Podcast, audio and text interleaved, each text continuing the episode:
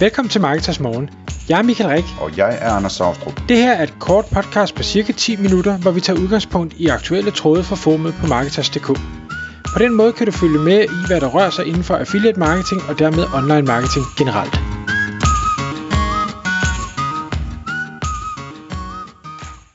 Godmorgen Michael. Godmorgen Anders. Så er det Marketers Morgen tid, og vi skal i dag tale om kendiser. Så det, øh, det bliver godt. Det er sådan øh, rigtig sladderspalt øh, øh, morgen podcast i dag. Det glæder jeg mig til.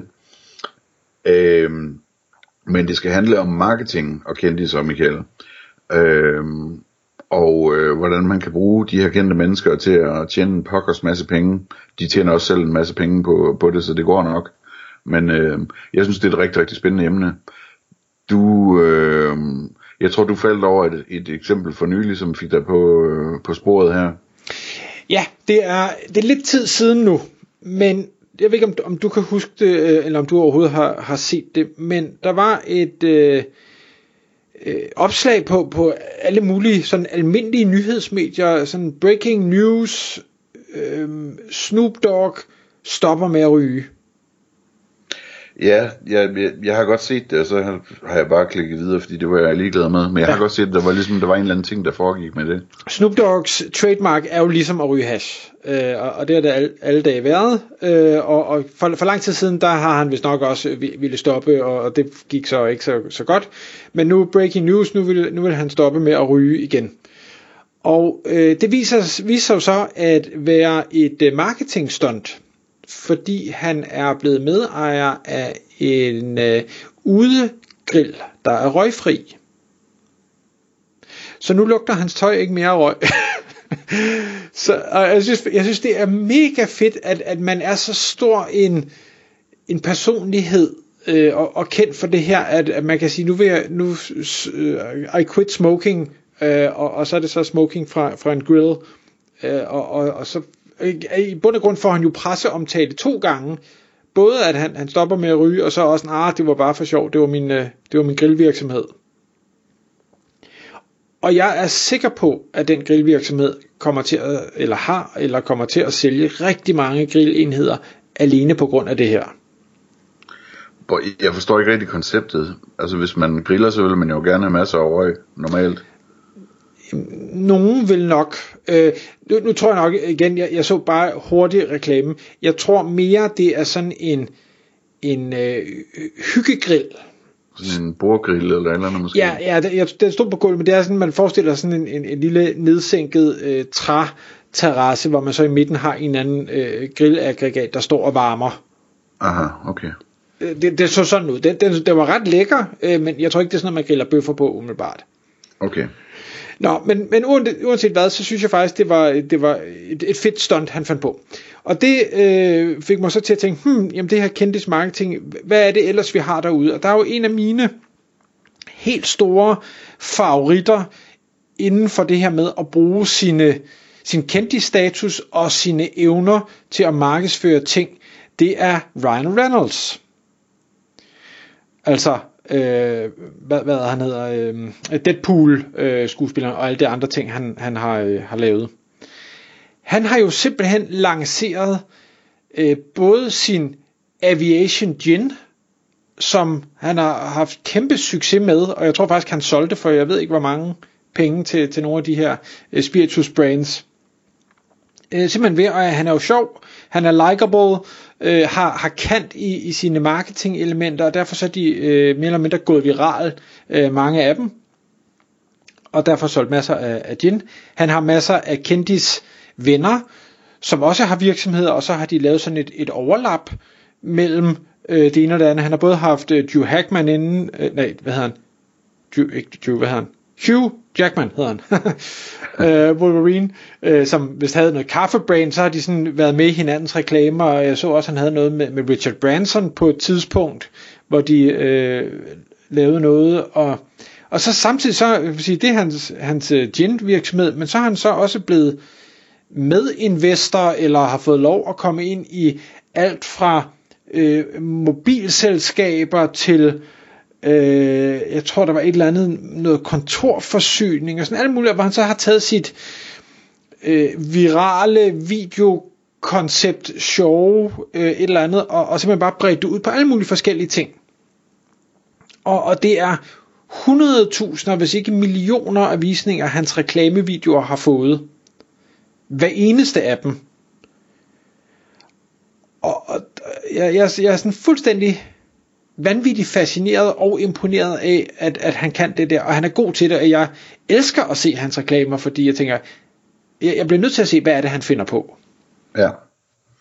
Men det virker som en ting, der sådan bliver mere og mere udbredt, ikke? Altså man, man hører flere og flere historier om det der med, at, at folk som, som øh, hvad hedder det, man skulle tro, at de tjente de fleste af deres penge på at lave film, fordi de får sikkert 20 millioner dollar per film eller et eller andet, ikke? Men i virkeligheden, så, øh, så har de tjent mange, mange flere penge på et eller andet åndssvagt lille produkt. Ligesom kender du historien med George Clooney øh, og hans øh, tequila, må det vist være. Mm, måske. Altså det, det, lyder som, det, det, det lyder som ham og en ven, som, som var i Mexico og har smagt en tequila, der var god, og så fik de lyst til at lave, øh, og kunne købe den og give den til vennerne, og så fik de lavet en, der var lige så god og sådan noget, ikke? og så begyndte de, og så lige så havde de et tequila øh, firma, øh, og nu sådan, uden at han sådan rigtig har gjort noget, så, så har han sådan, øh, altså en, en halv milliard dollar tequila-aktier, ikke? Eller hvad det nu er. Altså sådan, hvor, hvor det, det, det, det er, det er helt vildt så mange flere penge, der er i det synligheden for de her, øh, de her folk. Det, det er det samme med øh, Mr. Beast øh, fra YouTube, ikke? Altså, det, der er virkelig, virkelig mange penge i det der med, at, at, øh, at bruge sin, sin kendisstatus til, øh, til at, øh, at promovere produkter og, og være produktejer, ikke?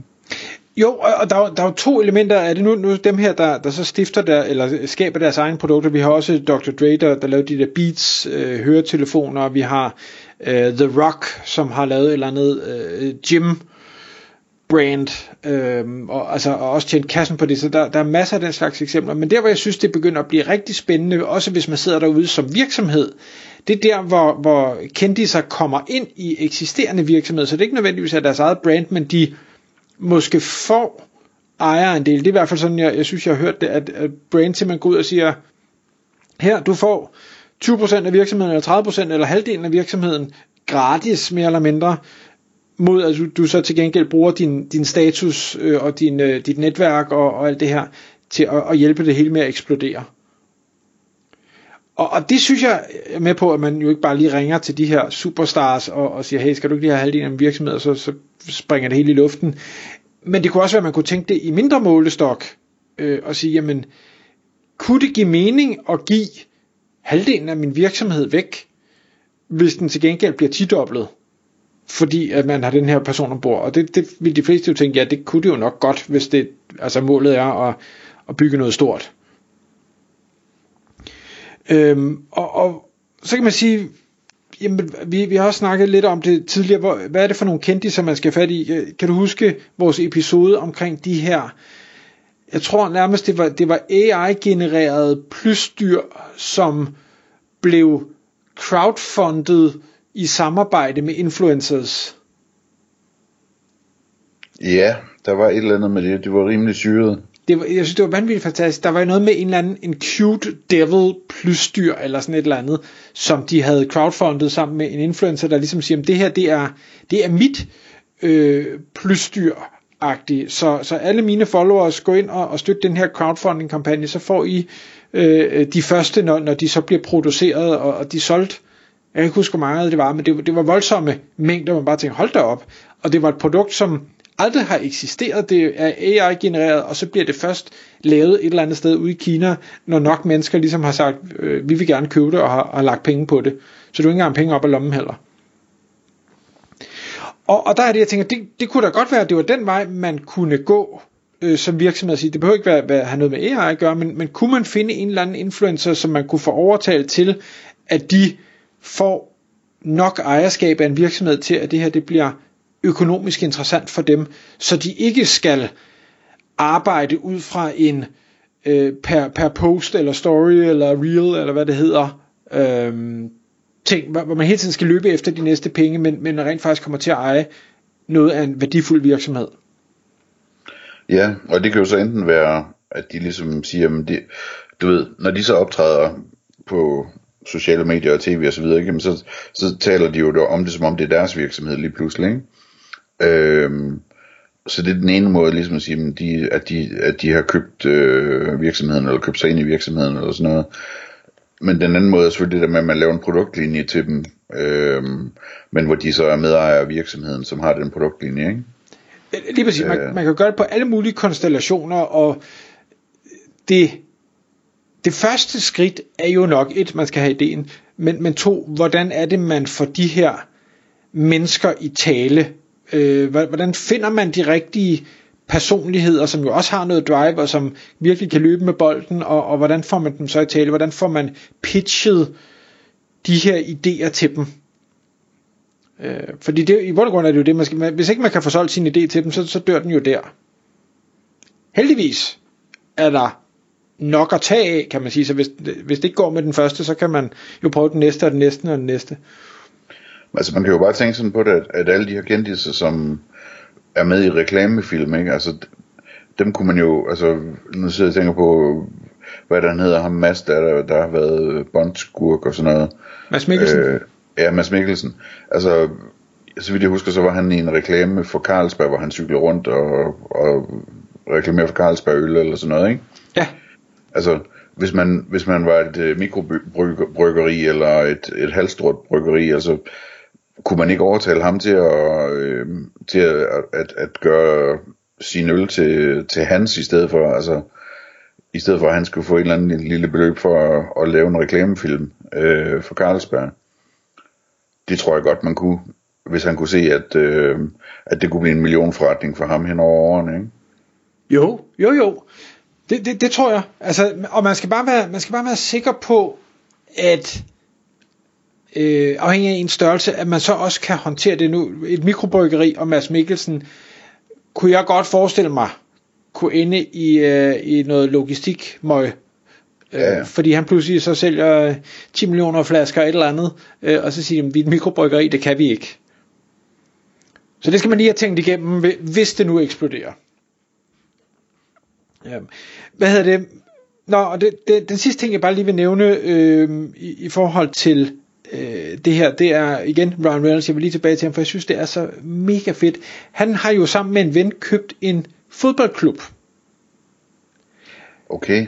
Wrexham serie 4 eller 5 i England. Fordi den var billig. Men den har han jo så markedsført så eminent, så, så alt er bare udsolgt, og deres merchandise-salg er øh, tidoblet, og de har en, øh, endda fået lavet en Netflix-dokumentarserie omkring, hvordan Wrexham bare eksploderede, fordi ham og kammeraten er, er kommet på og begyndt at markedsføre det her. Altså, det er, øh, hvordan delen, at man formår at sige, hey, vi laver det til Netflix-serie, og så få gratis reklame på den måde øh, og folk lapper det i sig, fordi det er en fed historie. Han er, han er så dygtig. Altså, han er, han er, jeg tror, han er en af de dygtigste kendis markedsføringsfolk, jeg, jeg er stødt på derude. Så altså, hvis man, hvis man vil lære lidt af ham, så, så der er der tonsvis af YouTube-videoer. Det, det kan varmt anbefales. De er gode og sjove. Det er en imponerende gut. Jeg kan huske, at jeg har set på et tidspunkt, hvor han viste rundt i sit hus. Hold kæft, det lækkert hus han har. Sådan en, sådan en rigtig, øh, hvad hedder det, Montana eller sådan noget... Øh, øh, hvad hedder det, i skoven, øh, i bjergene ved, ved, ved floden, kæmpe træhus. Har du set det? Nej, tror jeg ikke. Det er, det, det er et godt, øh, hvad hedder det, han, han, han lever godt deroppe, det kan jeg love dig. Tak fordi du lyttede med. Vi vil elske at få et ærligt review på iTunes, og hvis du skriver dig op til vores nyhedsbrev på marketers.dk-morgen, får du besked om nye udsendelser i din indbakke.